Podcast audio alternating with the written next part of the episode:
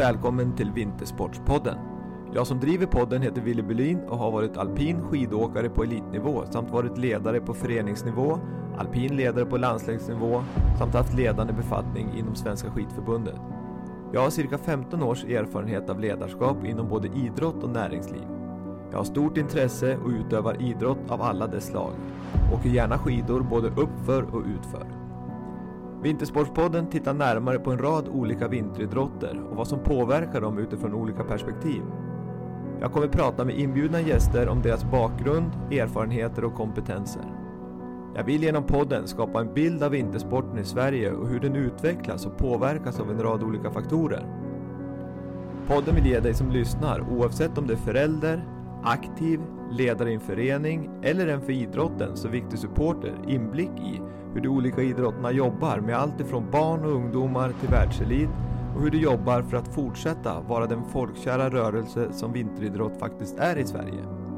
Dagens gäst är en färsk VM-guldmedaljör i skicross som är född och uppvuxen i Kramfors och som numera bor i Umeå. Som 16-åring flyttade hon till den legendariska byn Tärnaby för att studera på skidhemmet. Hon är en av Sveriges mest allsidiga skidåkare och som skicrossåkare har hon vunnit två VM-guld 14 stycken världscupsegrar varav två segrar i totala världscupen samt två topp 5-placeringar i OS. Utöver medaljerna inom skicross har hon tilldelats prestigefyllda priser som Årets nykomling och Lilla bragdguldet på Svenska Idrottsgalan. Dagens gäst är en lugn, trygg och harmonisk person med en enorm vinnarskalle och fighting spirit. Varmt välkommen till Vintersportspodden, Sandra Näslund.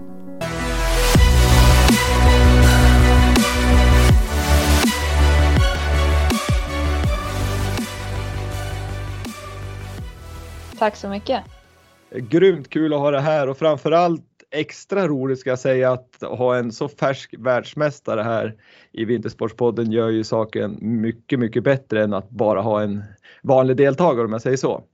Men eh, jag tänker så här att vi, vi börjar att, att titta på hur din uppväxt såg ut med eh, du kommer från Kramfors, sen kan du ta över och berätta hur, hur livet var som liten där och hur det gick vidare.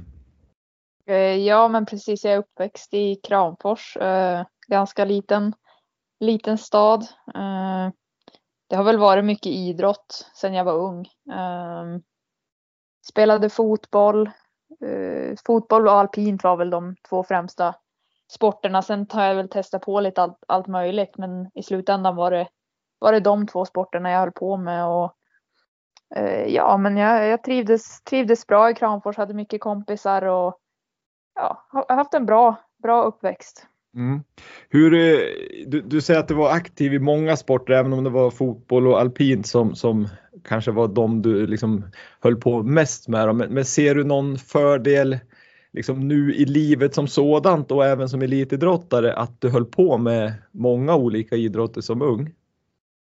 Eh, ja men absolut. Jag tror jag höll på med fotboll ganska länge eh, när jag, sen jag började med skicross också. Och jag tror liksom att eh, hålla på med mycket olika sporter det, det gör en bara, bara gott. Mm. Ja, det, det, det, tycker jag är härligt att höra för tittar man nu så ser man att det kryper längre och längre ner i åldrarna, specialiseringen. Och jag vet att man från Riksidrottsförbundet gjorde en kampanj att liksom ni som har lyckats väldigt, väldigt bra deltog och liksom berätta vikten av att delta i många olika idrotter. Så, så det är ju kul att höra Sandra. Jo, eh, men sen växte du upp i Kramfors. Det var tryggt och bra förstår jag. Men hur, hur hade ni för förutsättningar rent, om man säger alpint i Kramfors då? Eh, ja, men vi har en backe i Kramfors. Den är ju inte inte världens största direkt. Den är väl ganska kort eh, om man säger så. Men det var, var bra tyckte jag. Man hinner ju liksom många åk istället. Och, eh, jag hade pappa som, som tränare större delen av, av tiden. Mm. Eh, och sen, sen några andra föräldrar också. Och, ja, men, ganska liten klubb men vi var ändå ganska många i min, ja men runt min ålder. Och ja, vi har haft väldigt mycket kul tillsammans ute på klubbläger och tävlingar och ja, träningar också. Eh, så att det har varit, det har varit kul och det har varit många, många timmar som har spenderats i, i Latbergsbacken hemma i Kramfors. Jag förstår det. Men nu när du tittar tillbaks på den tiden då och du, du umgås ju både med åkare från, från Sverige, från andra orter och då umgås med åkare från hela världen och du besöker eh, Eh, skidanläggningar som är liksom den ena är större än den andra och backarna är både brantare och längre än, än de flesta liksom som finns i Sverige. Hur eh, kan du se tillbaks på tiden som, som ung i Kramfors att du skulle liksom hellre eller du tror att du skulle ha utvecklats mer om du hade växt upp i, ja vi säger Åre eller Idre eller någonting?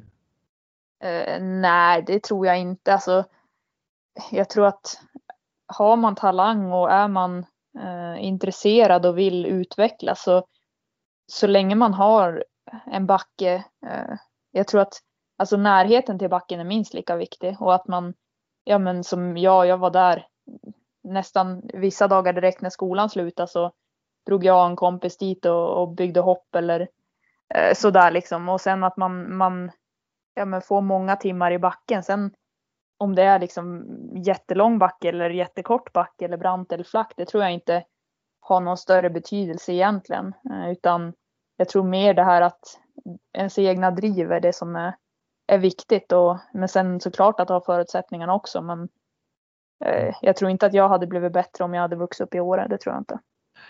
Nej, för jag, det, det, blev ju ditt fritids där och kanske istället för skolfritids och hamnar i backen och det, det är ju, tycker jag också låter väldigt, väldigt klokt och en bra miljö och framförallt tycker jag också jag hör där du, ni åkte inte dit och satte upp en bana och tränade liksom eh, samma bana hela tiden utan ni byggde hopp och ni, vad ska jag säga, lekte skidor mer kanske? Jo, men så var det ju absolut och det var ju många gånger som pappa och de andra tränarna fick, fick ropa in några av oss att nu, nu börjar träningen så nu får ni, får ni komma hit och köra och sen var det nästan ibland att ja, men nu har jag åkt några åk, får jag, får jag åka och hoppa nu? Eh, ja, just det. Men sen tyckte jag såklart det var superkul att träna och åka käpp också. Eh, men eh, jag brann ju väldigt mycket för att åka skidor i stort och ja, men just gemenskapen och ja, men ha kul på skidor. Och mm. jag tror att det har gett mig väldigt mycket. Ja, det förstår jag verkligen. Men eh, efter tiden i Kramfors och vad ska jag säga, dina ungdomsår så flyttade du som 16-åring upp till Tärnaby för att studera på skidhemmet va? Ja, det stämmer. Hur, eh, hur har den miljön påverkat dig som, som både människa och skidåkare? För jag menar vi som är intresserade av skidåkning vet ju att det finns ju en enorm kultur uppe i Tärnaby. Ja, men absolut. Det, åren i Tärnaby har, var ju eh, verkligen superhärliga och eh, ja, men jag utvecklades mycket och det var ju också i samband med att jag började uppe i Tärna som jag kom med i skicrosslandslaget så att jag har väl varit betydligt mindre uppe i Tärnaby än mina klasskompisar men eh, det har ändå varit superbra och det har varit liksom eh, ja, men bra med skolan att jag kunnat anpassat och tagit lite i min takt och ja men just samma där att ha närheten till skid, skidåkningen att bara gå ut från skolan och gå 50 meter så är man vid, vid liften liksom och mm. eh, ja, det har varit, varit superbra. Alla som har varit uppe i Tärnaby vet ju just att eh, liksom, skidhemmet där, att man kliver mer eller mindre utanför dörren så är man i backen och det ja, det är en stor fördel för er ungdomar och som kanske inte alla gånger har körkort från början heller. Nej men exakt, det var ju, var ju jättebra och sen eh, de första åren bodde jag ju på, på skolan på, på elevhemmet där också så att eh, mm. det var ju, var ju skönt att komma in i, in i gänget där när man bodde tillsammans med, med kompisarna och så så att det var roliga år. Jag förstår det. Men det var, du började skidhemmet som om man säger traditionell alpinism, alpinist och så sen eh, någon gång under studietiden uppe i Tärnaby gick du över och blev skikrossåkare. Var det så resan var? Eh, nej, det var väl egentligen att eh, jag hade väl bestämt mig för att åka skikross när jag eh, började på gymnasiet och det var ju egentligen då under sommaren innan jag skulle börja gymnasiet som jag kom med i landslaget. Eh, och jag sökte också till eh, skikrossgymnasierna som fanns i Åre och i Torsby. Eh, och de var ju nyöppnade då så vi var ju första ja men 96 var som första året som, som eh, det fanns möjlighet att söka till skikrossgymnasiet. Och mm. jag sökte till Åre och ville väl gå där. Men då, i och med att det var första året så skulle de ta in äldre åkare där. Eh, och då 96 vart då liksom fick gå i Torsby. Okay. Och jag kände väl, ja men dels att ska man åka skidor så tänker jag att då ska man vara, vara i norra Sverige. Mm. Så att, eh, då, då blev det Tärnaby för att ja, men dels hade jag en, en två år äldre klubbkompis som gick där uppe och hade hört, hört bra saker om, om skidhemmet. Så att, ja, det blev, blev det till slut. Ja men vad kul och det var ju en klok tanke att, att gå där uppe. Men hur såg, hur såg liksom träningen ut där då? Fick ni träna med alpina gänget eller byggde man banor eh, liksom enbart för er eh, för skicross-träningen? Eh, nej, jag gick ju som en vanlig alpinist. Det var ju bara jag som var skicrossåkare som, som gick där, så jag gick ju som en, som en alpinist. Så jag tränade slalom och storslalom och, och allt sånt när jag var hemma eh, i Tärnar och sen när jag var ute med landslaget så, så tränade jag skicross och det är ju storslalom är ju som grunden i, i skicross ändå så att eh, ja, jag tyckte det, tyckte det var bra. Eh, det funkade, funkade bra för mig och Eh, jag var ju som ganska duktig i alpint också så att jag körde ju lite tävlingar där första åren i alpint också. Ja just det. Eh, ja precis, för det vet jag ju att du har, du har ju varit med, när, även när du var väldigt duktig i skikross så var du ju med på lite alpintävlingar där du, ja, du slog ju väldigt många alpinåkare och där såg man ju, jag har själv sett det, att du var väldigt, väldigt duktig liksom även i portar. Men om, om vi är inne på träning och du säger att grunden någonstans är storslalom för, för att bli en duktig skicrossåkare. Hur mycket liksom tränar ni specifik crossträning och då tänker jag liksom på långa banor, jag tänker på starter, jag tänker på hopp, teknik och så vidare. Hur ser den liksom relationen ut? Uh, ja, men alltså under försäsongen så de första, med första lägret i alla fall, det kanske eh, då kör vi mest friåkning. Eh, det kanske är typ ja, men fem dagar friåkning. Sen kommande läge så drar vi igång lite med storslalom. Kanske lite skikross, kanske starter. Vi, vi brukar ju vara mycket i Sasfi under, under hösten och där har de ju en full lång skikrossbana kan man ju säga. Som finns hela där, hösten då egentligen? Ja men exakt och det är ju många, de flesta landslag är ju där i alla fall några veckor under hösten och tränar. Eh, sen har vi varit en del i Ställvi också där vi har fått bygga lite egen bana. Eh, och så. Men eh, nu de sista åren har det varit mest SASFE. Men det är svårt att säga men jag tror det är nästan så här, nästan ändå 50-50 storslalom skikross. Kanske lite mer skikross. Okej, men så fort ni egentligen har ni möjlighet att köra bana skikross då försöker ni göra det? Ja men exakt, ja. så är det. Hur, hur, är det med, jag tänker på när man, när man ser de här banorna i, som nu när det var VM i Idre till exempel och när man tittar på er på, på världscupen på TV så ser man ju att banorna är ju Alltså det är ju otroliga byggnationer och, och, det är ju många timmar som läggs ner på att bygga dem. Hur, för att få till det här rent logistiskt, och kanske också ekonomiskt.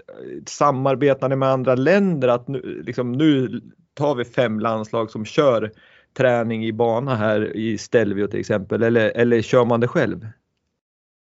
Eh, ja men då när vi var i Stelvio så hade vi samarbete med Frankrike eh, ganska mycket så då var vi där tillsammans med dem. Eh, sen tror jag att tyskarna var där lite samtidigt som oss något år också. Mm. Så att det blir ju så. Men sen Sasfe, det är ju schweizarna som bygger upp det och det är ju en bana där, där många länder är. Men alltså för det mesta så är det nog liksom de, de länderna som, som fixar. Men sen blir det ju att man drar ju med sig som vi har vi försökt, eller våra tränare har ju som försökt eh, få till bra förutsättningar i Idre och bjudit in fler fler lag och komma dit och träna i ja, men november just innan tävlingarna ska dra igång. Mm. Eh, när det varit lite dåligt, dåligt med snö eller lite för varmt de senaste. Ja men försäsongerna så det har vi inte blivit så mycket av det men det blir ju såklart att man, man samarbetar ju till viss del och ja men det behövs ju för att, för att man ska kunna, kunna få ihop en bana också.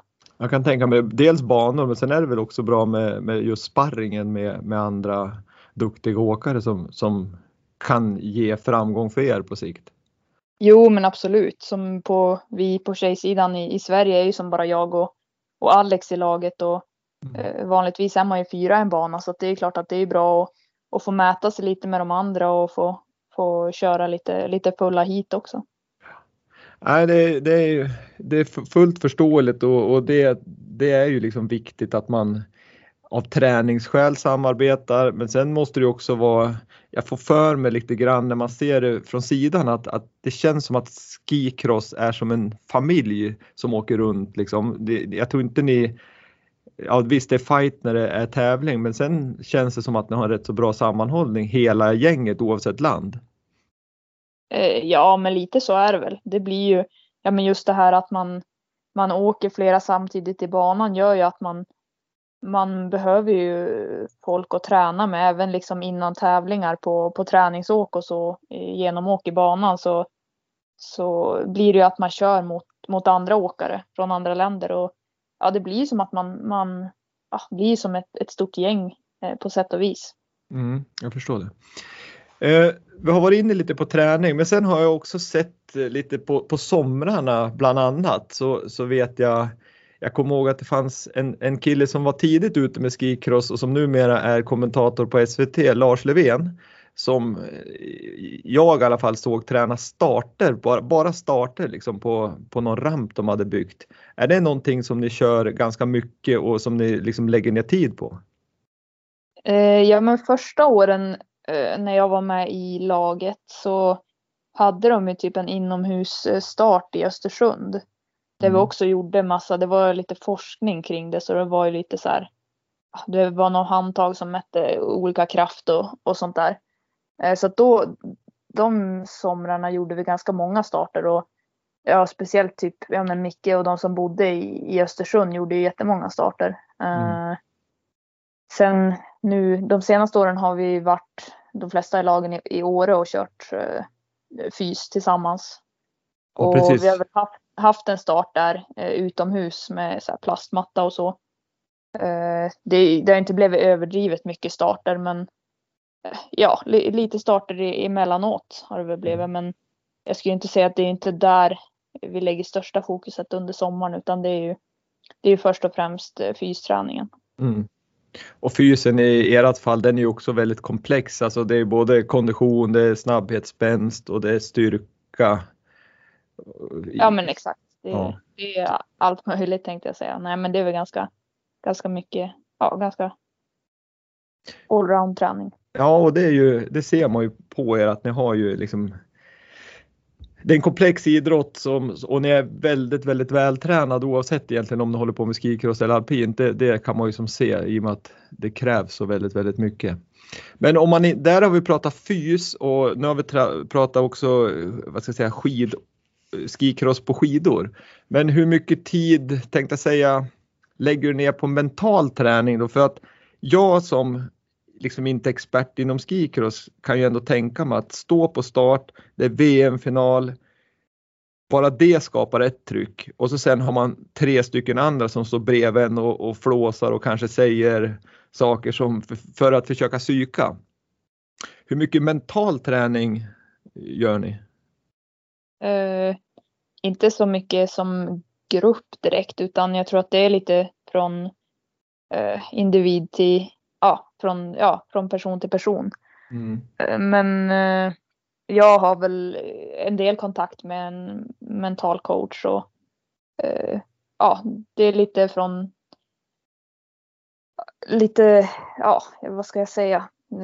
Det har varit mer förut. Det går lite upp och ner beroende alltså hur mycket vi pratar.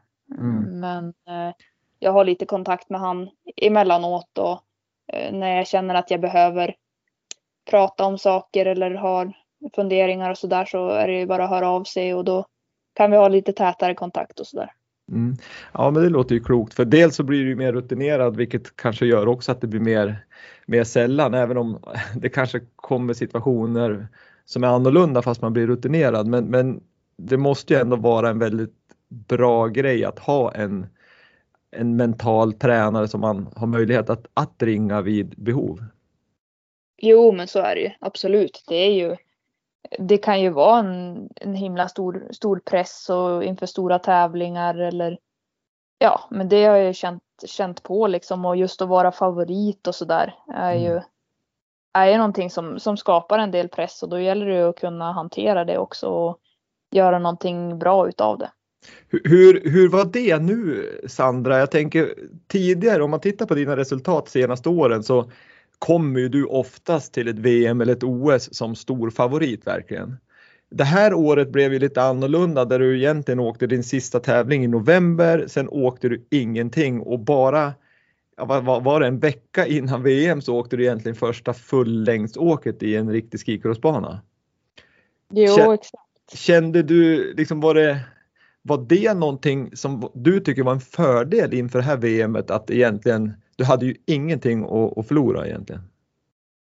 Nej, så var det ju. Det, det tror jag ändå var, var ganska, alltså jag var ju, jag hade ju, jag var ju mer nervös för att det var första gången jag åkte skicross tänkte jag säga, men det var första gången jag åkte bana på ganska länge och eh, jag var väldigt, väldigt nervös första träningsåket i banan och sen var jag väldigt nervös inför tävlingarna också, men det var ju inte den här att jag var liksom att jag behövde prestera utan jag kände mig ganska ganska avslappnad och ganska men det, känd, det kändes ändå som det, det var liksom, jag var där för att fighta om medaljerna men det kändes inte som en katastrof ifall jag hade åkt ut i första heatet. Såklart hade jag blivit besviken och det sa jag ju innan också att jag går ju för medalj. Eh, mm. Men jag kände att jag kan ju inte förvänta mig heller hur mycket som helst av mig själv när jag knappt har åkt någonting. Nej. Nej, nej det, det, det, är ju svårt men, men samtidigt har man varit där en gång så är det svårt att kliva in i ett mästerskap och känna att jag är nöjd om jag kommer tolva. Nej men så är det ju och jag hade väl troligtvis inte varit nöjd heller om, om jag hade blivit liksom tolva men eh, jag kände inte den här eh, pressen på mig själv att jag måste prestera utan jag var mest glad för att eh, ha ko kommit tillbaks lagom till VM. Mm. Var du någon gång orolig inför VM att du kände att, att rehabilitering gick trögare än vad du hade planerat och att du kände att det här kommer jag inte hinna? Eh, jo, men det var jag ganska, ganska många gånger och det var väl egentligen först efter kvalet som, som jag kände att ja, men nu, nu är jag här och nu är jag redo att köra eh, VM-finaler. Eh, utan det var ju osäkert länge, i alla fall för, för min del. Och vi mm. gick ju ganska snabbt fram också. Eh, det var ju långt ifrån alla saker jag kunde göra på gymmet egentligen. Eh, innan, ja, när vi gick på skidor. Sen är det klart att vi hade ju, jag har ju så mycket bra folk omkring mig så det var ju ingen, det var ingen fara att börja åka skidor. Eh, men det var väl kanske så här snabbt fram hade man kanske inte gått ifall det hade varit en vanlig världscuptävling utan då hade man kanske tagit det, tagit det lite mer lugnt. Mm. mm. Men det ja, vart, ju, vart ju verkligen att nästan stressa igång det. Ja, jag, jag, förstår det också. Samtidigt som eh, man ska tänka långsiktigt och, och, inte förstöra någonting för OS 2022 till exempel. Men jag, jag hade ju en gäst i podden som heter Per Liljeholm mm. som var före detta landslagsläkare för alpint. Mm. Och han pratar just om det där med innan man, det är svårt att säga att en rehabilitering tar sex månader, liksom det beror ju på man ska klara vissa tester för att ta nästa steg och sen så ska man ju göra liksom den här skidrehaben, att börja åka fritt och sen ska man kanske börja liksom köra eh, lite tuffare svängar och så sen i ditt fall börja hoppa och så vidare. Så det var lite som på gränsen där kände du att, att, att du, du genar lite kurvorna. Men det är ingenting du känner oro för nu att du, att du borde backa tillbaks? Eh, nej, nej, men så var det. Vi, det gick ju kanske lite väl fort fram där. Men som jag sa, det, jag har ju massa folk runt omkring mig som, som har full koll och eh, det är ju så här, vi tog inga risker ändå. Även det är klart att jag kunde få bakslag och sådär. Men nu gick det, det var inget större bakslag utan allt gick ja, men relativt eh, ja, smärtfritt framåt ändå. Mm. Uh, och uh, ja, då var det ju som, som bara att, att steppa upp det steg för steg. Och, Eh, sen var det ju dagar när det kändes som att nej men det här känns ju inget bra. Och, eh, ja, dagar när det kändes väldigt bra. Så det har ju varit mycket upp och ner och sådär. Men jag är väldigt, väldigt glad och tacksam att jag hann tillbaks till VM. Ja, det förstår jag. Det förstår jag. Det är helt otroligt. Om vi är ändå inne på VM då så, så blev det ju guld för många då med tanke på din, med din säsong så var det ju bragdartat guld skulle jag säga. Liksom att, att inte ha åkt någonting, lega gymmet och tok rehabba och så sen kliver man in och tar ett guld. Det var ju ståpäls så det bara dåna om det för oss som tittar. Eh, men vad betyder ett VM-guld liksom om du skulle beskriva först och främst liksom dina tankar när du kommer ner, du ligger där i målfållan och liksom, jag vet inte, det ser bara ut som du är i ett lyckorus. Men hur gick dina tankar då och eh, liksom, vad betyder det för dig som person, både, både som person men även kanske liksom förutsättningar för, för framtida satsningar? Eh, ja, men såklart betyder det mycket. Det jag vet inte riktigt vad jag tänkte där i finalen när jag, när jag kom över mållinjen, men det var mycket känslor och ja, det var väldigt, väldigt eh, skönt och jag var väldigt, väldigt glad. Eh, och det är klart att det betyder mycket och ja, men jag har ett VM-guld sedan tidigare, men ändå känna det här att, att jag, jag eh, även om jag inte fick så himla mycket förberedelse så kan jag ändå eh, gå in liksom i bubblan och eh, ge allt när det verkligen gäller och vara var som bäst när det verkligen gäller. Så det är såklart att det betyder mycket för självförtroendet och, mm. och ja. Ja, det förstår jag. Det är ju precis det vi pratade om tidigare med den mentala biten så är ju ja, när man bevisar sånt här för sig själv, för det är ju ändå för sig själv man åker, så, så är det ju det ger ju en enorm boost för dig som person då naturligtvis. Men om man tittar på förbundsperspektivet då som skicrossförbundet som, som är, ligger inom skidförbundet men skicross är som en gren inom skid, Svenska skidförbundet. Eh, ser du att det kan ge liksom eh, möjligheter för förbundet som stort att växa och då tänker jag både växa rent resursmässigt så att ni i landslaget får bättre förutsättningar men även om man tittar på bredden att det kanske kan hjälpa till med rekrytering. Tror du det har viss betydelse? Ja men absolut, det tror jag, det tror jag verkligen. Det, dels att ja, men både jag och, och Erik tar en medalj på, på VM är ju jättestort och det är ju någonting som skapar förutsättningar för oss eh, med, med sponsorer och, och så vidare. Och sen tror jag framgången och eller framgångarna och att det syns i tv och allt sånt där, det skapar ju eh, ja men dels att det är folk som ser det och jag tror att det är många barn och unga som, som blir peppade och som, som vill prova och eh, ja men som ser att ja men dels de som går på gymnasiet som, som kanske har testat att åka mot oss och ser liksom att ja, men det, är, det är dit jag behöver komma för att, att bli bäst. Eller, ja, jag, tror att det, jag tror att det gör mycket. Och, ja, men som, eh, min, min flickvän jobbar som lärare på en skola och idag så var några av hennes elever ute och byggde en, en skikrossbana på, på skolgården. Så det är det är klart att det, det ger mycket. Det blev en liten Ingmar-effekt kan man säga. Ja att... men förhoppningsvis blir det väl det. Hela Sverige stannade då och nu så bygger alla ungar skikrosshopp. Men för då, då, när vi ändå är inne på rekrytering så, så där är det ju också liksom en en del som man kan tänka sig liksom att många tycker det här ser spännande ut. Det kanske är föräldrar som är liksom, äh, shit det där ser farligt ut och, och hoppa och vara fyra stycken i samma hopp och så vidare. Det är ju en sak som, som kan göra att, att det backar lite tyvärr. En annan sak som, som kan påverka det är väl att föreningarna ser liksom att man måste, hur ska vi kunna bygga en sån där bana i, för, 10 eller 12-åringarna hemma i, i våran lilla klubb i Kramfors. Men, men hur, hur ser du på det? Behöver, det? behöver det vara så krångligt och så farligt? Nej, absolut inte. Alltså man måste ju se det så. Banorna som vi åker i världskuppen och typ till exempel den som är i Idre. Mm. Det är ju inget som, som eh, dels inte ens de på gymnasiet kanske skulle åka.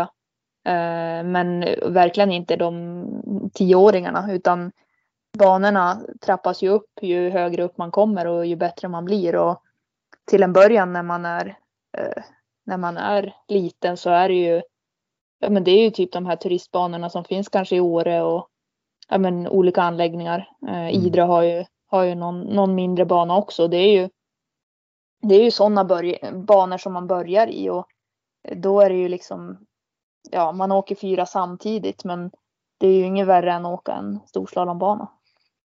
Ja, och sen kanske man till och med kan bara sätta någon käpp upp på någon liten vall och ja, men lite där det är lite dosering i en kurva och så vidare. Så jag tror att är det ditt liksom, tips till en förening ute i Sverige som, som vill starta en skikrossverksamhet, det är ju att göra det ganska enkelt och, och använd backens liksom, konturer. Ja men, ja, men absolut, An, använd er av terrängen som, som finns. Och vi tränar ju, ja, men som i, när vi är i Idre på hösten och tränar och vi har även varit mycket i, uppe i Hemavan under våren så tränar ju vi, då använder vi backen och, eh, och sätter, ja men som du säger, käppar på, på kanter och eh, sen kanske vi har något rullparti någonstans i backen, kanske ett hopp. Så att eh, Eh, vi tränar ju inte alltid fullstora skikrossbanor heller utan eh, det funkar ju bra. Alltså har man en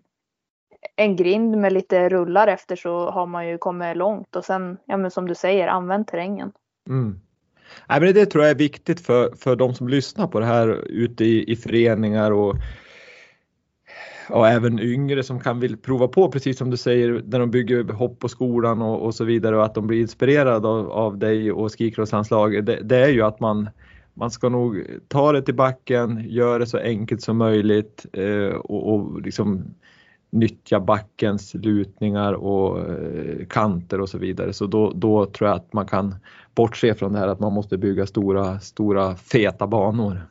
jo, och sen tycker jag inte heller man behöver välja mellan alpint och skikross utan jag tycker man ska kombinera det så, så länge och så mycket man kan. Mm. För det är ju, jag började ju som alpin skidåkare och men som jag sa tidigare, det är ju någonstans grunden i, i skikross också. Och du behöver ju den här tekniken på skidor, tekniken i, i svängarna och sen ja men ju, ju yngre du är när du börjar testa på skikrossbanor och testa liksom skapa fart i terräng på, på det sättet som man gör så är ju det eh, bara, bara bra och det kommer ju göra dig till en bättre alpinåkare också. Eh, mm. Det vet jag själv när jag första åren jag körde skikross. Eh, även fast jag ändå hade tränat slalom på flera veckor så hade jag bara åkt skikross och sen kom jag tillbaka och körde slalom och jag har nog aldrig åkt så, åkt så stabilt i en slalombana som jag gjorde då. Jag kan tänka mig det, det blir ju nog liksom, då är det liksom walk in the park att köra på ett ganska slätt underlag jämfört med vad du är van vid. Jo men exakt, det blir ju så. Nej men det, det, det är ju också lite grann som vi diskuterar att, att eh, specialiseringen kryper ner i åldrarna lite för tidigt och jag tror också på en allsidighet för att bli bättre och i det här fallet så är det ju som ganska nära varandra, bara liksom att man kan utvecklas. Väljer man skikross i framtiden så har man nytta av att ha kört mycket storslalom, kanske super-G och även slalom och vice versa. Att har du kört eh, mycket skikross så kommer du förmodligen bli en bättre alpinåkare. Så att det är nog, man får nog se det som breda skidor och så sen får det mynna ut i det som man tycker är roligast när man blir äldre helt enkelt. Ja men exakt. Men eh, Sandra, när man, när man följer dig, liksom eh, har följt dig egentligen sen, sen du ja, var yngre och, och, när man lyssnar runt bland eh, skidkunniga människor så, så, beskriver de ju dig som en otroligt allround åkare.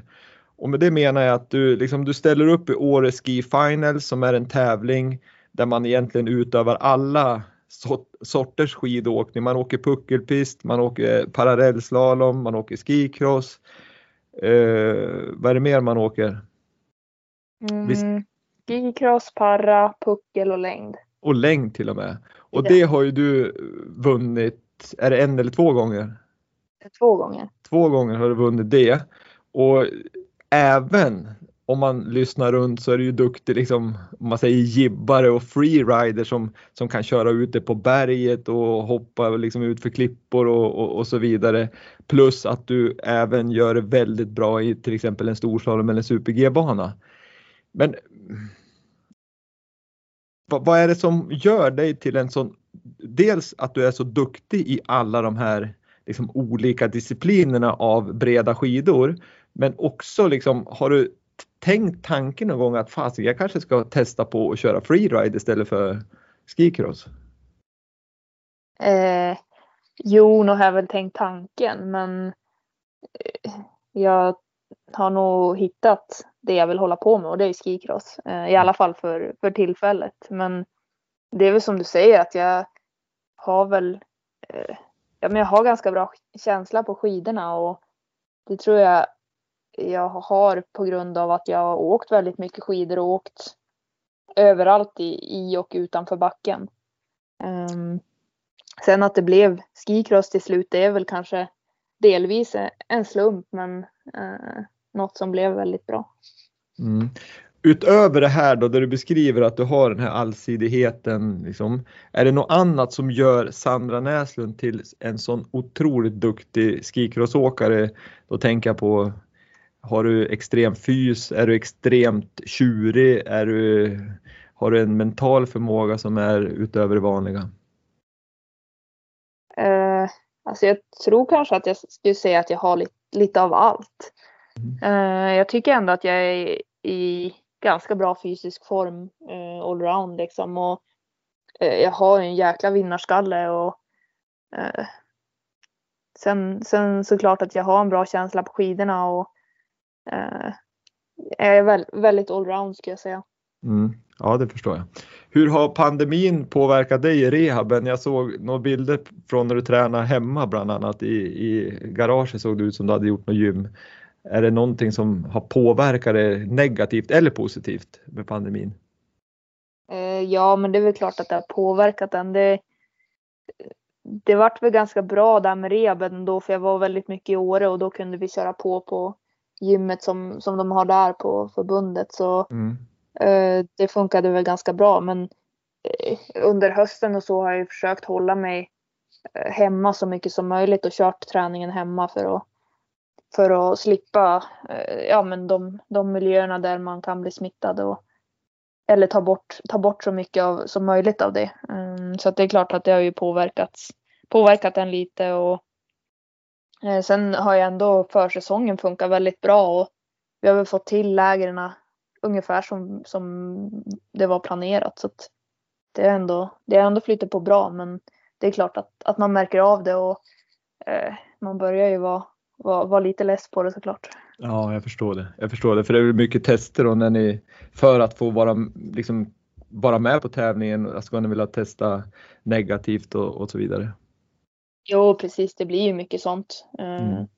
Mycket, mycket tester och just med eh, munskydd och, mm. och allt sånt där så blir det ju lite, lite omständigare än vanligt. Men jag tycker det funkar rätt bra ändå. Ja, det är härligt att höra. Det är härligt. Men Sandra, med 14 världscupsegrar, två VM-guld, två totala segrar i världscupen, Lilla Bragdguldet och årets nykomling som du har fått de priserna på, på Idrottsgalan. Mm. Vad är det som vad är det som driver dig vidare liksom härifrån nu? För det, det, känns ju som att du har tagit liksom det många vill ta. Jag misstänker att det är en sak som grämer. Du har två OS-starter. Du har en fjärde och du har en femte plats. Va, jo, är, det, är det det som är liksom din morot att drivas framåt nu eller är det fler världscupsegrar? Uh, ja men det är nog både och. Uh, absolut är ju OS ett ett stort, stort mål men jag försöker inte att fokusera för mycket på det utan eh, jag drivs också av att utvecklas och bli en bättre, bättre skidåkare och jag tycker det är väldigt kul att tävla. Det är ju det är ju ja, det är roligt. Och sen är det klart att jag vill ju vinna. Jag vill ju vinna allt som går att vinna och Mm. jag vill ju fortsätta ta världscupsegrar och, och så. Så att eh, men det är, det är ändå mycket som, som driver mig framåt. Ja, jag förstår det. Men när du, när du sätter målen här nu framåt, hur, hur tänker du då? Alltså är de, ser du placeringar eller skapar du målen på liksom, teknisk utveckling som i sin tur ska ge liksom, placeringarna? Eh, ja, men det är väl klart att man har eh, resultatmål eh, också, men eller det är ju de, det är ju de som driver en framåt eh, i mycket. Men sen är det ju såklart har jag ju mindre delmål och ja, men som vad jag ska fokusera på för dagen eller för månaden och sådär. Vad jag, vad jag vill förbättra och så. Och sen i, i slutändan så leder ju det förhoppningsvis till att jag når mina resultatmål. Mm, ja, det låter otroligt klokt tycker jag. Eh, vi har varit inne lite grann på, på det här, eller jag har varit inne på kanske just det här med att kanske föräldrar ser sporten som lite farlig. Att ja, ska vi verkligen låta Kajsa eller Pelle åka här med hopp och det är fyra sty stycken på rad som kommer och, och så vidare. Vi vet ju att, att din landslagskollega och då mycket, mycket duktiga skikrossåkerska Anna Holmlund råkade ut för en olycka här för, för några år sedan.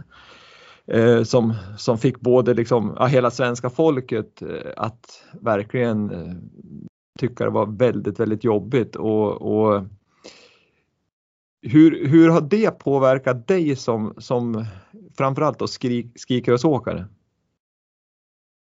Eh, jo, men det är väl klart att man blev väldigt eh, skakad när det hände och eh, man får ju som ett annat perspektiv på, på det.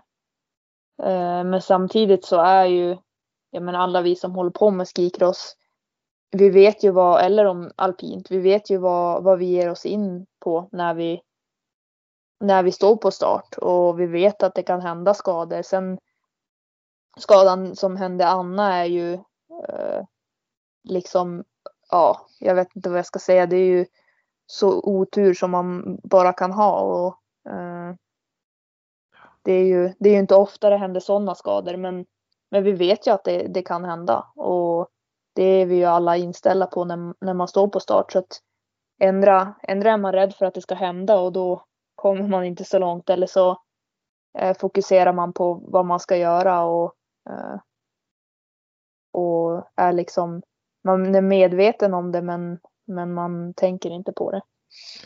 På det jag förstår. Men, men det var ju aldrig liksom så här i, din, i dina tankar att nej men det här kan inte jag hålla på med. Jag, jag vill verkligen inte hamna i den där situationen. Uh, nej, det var det väl inte. Alltså det var, jag tror jag där och då uh, funderade ganska mycket då de första dagarna och uh, eller ja, just då när det hände att ja men jag själv måste som ta ett beslut. Ändra är jag rädd för det eller så, så kör jag. Eh, Mm. Och då tog jag beslutet att jag, jag kör och jag är inte rädd. Eh, och, ja. För att stå på start var egentligen oavsett idrott, men i de här idrotterna så, så det går inte att stå på start rädd. För då Eh, blir det svårt. Jo, så är det ju. Eh, sen kan man ju vara nervös och eh, ja, men, så inför första åket i, i en bana eller, eller så. Men eh, jag är ju som aldrig, aldrig rädd när jag står på start i, i, på en tävling. Nej. Hur, hur var det då, då? Liksom när det här hade hänt? Det var ju som, ja det var ju kris och det var ju liksom katastrof. Hade ni bra hjälp då från folk runt om er med, jag tänker på förbundet och liksom experter inom att hantera sådana här situationer? Eh, jo, men jo, det hade vi väl ändå. Det, alltså, vi pratade ju om det ändå en del i laget och eh, vi hade ju. Vi hade ju liksom dit vi kunde vända oss om, om vi behövde och så. Mm. Eh, så det, det hade vi absolut. Ja, jag tyckte också när man, när man följde från sidan så tyckte jag det sköttes väldigt professionellt från, ja, från skikrosslandslagets del och, och förbundets del. Så det var ju, det var ju väldigt proffsigt skött måste jag säga. Eh, om, om vi går in lite grann på, på landslaget och ledarstaben som ni har. Va, vad skulle du som, som elitaktiv och världsmästare säga är den optimala ledaren för dig? Och då tänker jag på liksom ledaregenskaper mer än att kanske att de är duktiga på att säga att du ska stå med lite vinkel mer på kant eller sådär. Mm. Jag tror för mig är det viktigt att ja, men känna att de är engagerade och eh, brinner för det de gör. Eh, och, och att de ser mig och ser eh, till mitt bästa. Mm. Eh, och sen så, ja, men såklart att de har kompetens och eh, vet vad, vad jag ska förbättra och sådär. Men sen men det finns alltså det är mycket egenskaper så i en, tränare och ledare. Det är ju också det är ju också mycket viktigt att man, eller viktigt att ja, man kan skapa sammanhållning i gruppen och eh, sådana saker liksom. Så att, Ja, det är jag ganska... skulle, de, främsta sakerna skulle jag ändå säga att de är liksom engagerade och brinner för, för det de gör. Ja, det, det håller jag med om, och det, men det är en komplex roll egentligen som, som tränare för ett skicrosslandslag. För du har den tekniska biten, du ska vara liksom ledaren i form av att vara engagerad, du ska ha egenskaper att, att skapa energi och glädje och ni ligger ute väldigt många nätter tillsammans, vilket också kan skapa liksom en viss oro i leden så att de har ju en, en ganska liksom komplex roll en ledare där i, i de här förbunden som, som reser runt mycket.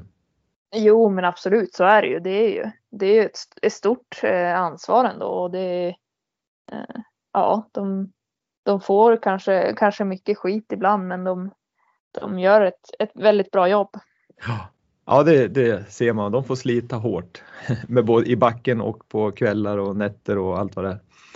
Absolut. Men du Sandra, jag tänker att vi ska titta lite bara grann på vad, vad du gör nu och, och, kanske lite grann om du har spånat på vad du ska göra efter karriären. Men som nu då, är det skicross till 100% eller gör du andra saker? Jag tänker på tiden när du är hemma eller när du reser mycket. Lägg, pluggar du eller jobbar du någonting? Eh, nej, just nu så är det bara, bara skicross. Eh, jag har ju ett, ett aktiebolag eh, eller företag eller vad man ska kalla det. Mm. För att ja, men dels få intäkter och sponsorer och grejer. Men jag kan väl inte säga att jag jobbar så mycket med det utan det, det är ju mest skicross som är, är i fokus. Ja, och när vi är inne på just det där aktiebolaget och samarbetspartners, hur, hur tänker du där? Är det, väljer du samarbetspartners strategiskt för att tänker någonting på det här skulle kunna vara dels att du står för varumärket naturligtvis, det är ju liksom kanske nummer ett. Men hur tänker du? Eh, är det någon tanke kring att hos den här samarbetspartnern skulle i framtiden kunna vara ett intressant jobb för mig? Eh, nej, inte i dagsläget i alla fall. Eh, det är väl ändå något jag har tänkt på och skulle vilja hitta eh, någon partner så liksom. Men jag vet inte riktigt heller vad jag, vad jag skulle vilja jobba med sen när jag, när jag lägger av. Så att, I dagsläget är det nog mest att ja, men jag har mycket sponsorer. Eller ja, en del sponsorer i alla fall kring Kramfors som, som stöttar och sådär. Mm. Och Härligt! Ja men det är väl, ja men exakt det är ju som kul att ha, ha lokala sponsorer även om jag bor i Umeå nu då men eh, så att det har väl varit mycket så och eh, sen har jag väl inte överdrivet mycket, mycket sponsorer heller utan jag drar väl in den största inkomsten på, på prispengar. Ja. Ja, men det är ju det. Eh, med tanke på framgångarna så förstår jag ju det till, till 100 procent. Men med, med tanke på VM-guld det här, med tanke på dina andra meriter och sen skulle jag också säga med tanke på din personlighet och den härliga människa du är så tycker jag att det borde finnas ett stort intresse att samarbeta med dig för att jag tycker du har härliga liksom, värden att, att förmedla och du, du är en bra förebild för både barn och vuxna. Så att jag tycker ju personligen att du har ett väldigt härligt marknadsvärde. Tack, vad kul att höra. Det ja, det tycker jag verkligen. Eh, jag tänker på en annan sak som man brukar prata med elitidrottare om, det är lite grann efter karriären. Så just nu så är det ju många som mig som vill prata med dig. Det är journalister och det är poddar och det är tidningar och det är TV och liksom dagarna går ju åt till mycket handlar om Sandra Näslund. Men hur, mm. hur tänker du och hur tänker, får ni hjälp från förbundet på något vis att hantera tiden efter när du har varit elitaktiv? Eh, nej, alltså det vet jag inte riktigt. Inte i dagsläget i alla fall. Eh, jag det vet inte hur. Ifrån där. Ja men exakt. Det, det, det, finns säkert hjälp att få när man väl äh, lägger av. Eh, mm. Det tror jag säkert. Och, äh, det är ju, det är ju många, mycket hjälp och så vi har kring, i och kring landslaget. Så att, äh, och alla som, som jobbar med landslaget vill ju vårt bästa. Så mm. nog tror jag absolut att jag kan få, få hjälp till viss del om, om jag skulle behöva. Ja, för det är det lite, dels den här frågan men även det med samarbetspartners att när man vet och när man har bestämt sig kanske för att nu är det här sista säsongen så kan det ju finnas ett värde i att om man säger börja karriärplanera och hantera vad ska jag göra, hur ska jag liksom göra det när karriären är slut? Och även det här med eh, att då är ju jag Sandra Näslund, jag är inte liksom skikross-Sandra längre kanske ja du kanske är det något år efter men sen blir det ju Sandra Näslund. Och, och, det är ju också kanske viktigt att man tänker till på hur man ska hantera. Jo absolut, det är ju det, det är ju det finns ju ett liv, ett liv efter karriären också. Och som elitidrottare så så eh, ja, man håller ju inte på, på med idrotten livet ut direkt utan det finns ju, eh, det kommer ju en tid när det när det är dags att lägga av så är det ju. Eh, men ja, just där jag är just nu så har jag eh, inte någon större aning om vad jag skulle vilja göra när jag lägger av. Nej, nej du har många år kvar. Du är ju ung, ung tänkte jag säga och frisk. Nu ja, är du på gång igen så att eh, det är ju jättehärligt det. Innan vi går in på de två sista frågorna egentligen, en lyssnarfråga och så sen en fråga som jag ställer till alla deltagare i podden, så vill jag också säga och höra dina tankar kring någonting som jag skulle tycka var väldigt eh, kul att få. Men det är ju det fina brev du fick från kungen och drottningen i samband med VM-guldet. Hur, hur, hur tar man emot ett sånt? ja, det är ju stort. Det är ju jag har fått det bara på mail än så länge men jag skulle få det skickat till mig eh, sen som jag förstod. Eh, ett, ett, ett sånt brev skulle då i alla fall jag sätta in i en guldram och sätta upp. Ja men absolut. Det är ju, det är ju som jag sa väldigt stort så att det, det får väl hänga någonstans på väggen hemma. Ska mm. jag tro. Ja det förstår jag. Ja, men det är härligt att höra och det tycker jag är också kul när kungen och drottningen, vi vet ju att de är engagerade i idrott och tycker om vinteridrott så att det tycker jag är kul att de, att de visar sin uppskattning. Ja, till duktiga absolut. idrottare. Ja. Men du, då har jag en lyssnarfråga här som, som eh, ja, den kan vara svår att svara på i, i hundradelar och sekunder men jag vill, jag vill ändå ställa frågan och se hur, hur du ser på det. Och den är ju egentligen så här att om du som är världens bästa skikrossåkare för tillfället skulle ställas mot världens bästa storslalom eller super-G-åkare och ni ställs mot varann i både liksom alpin bana och i en skikrossbana. Och så skulle man hitta något, sätt, något system där då. Vem, vem skulle gå segrande ur en sån strid?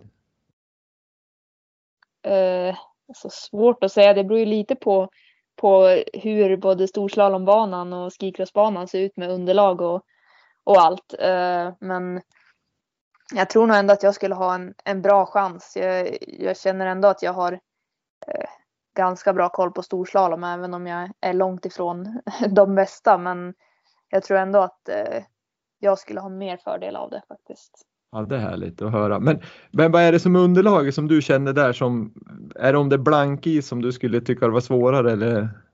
Ja, om det är blankis och, och superbrant kanske jag skulle ha det tuffare, men samtidigt så tror jag ändå att ja, men om man tänker en bana som Idre så det krävs ändå lite, lite rutin för att eh, och ja, känsla för att, för att ta sig ner den banan på ett snabbt sätt.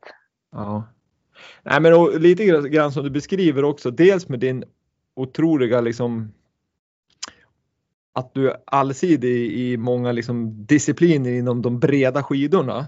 Plus att ni tränar en hel del storslalom, du sa 50-50 ungefär. Så skulle nog jag också tro att du kanske inte bara skulle fundera på att gå vinnande ur striden utan du kanske till och med skulle krossa den där striden.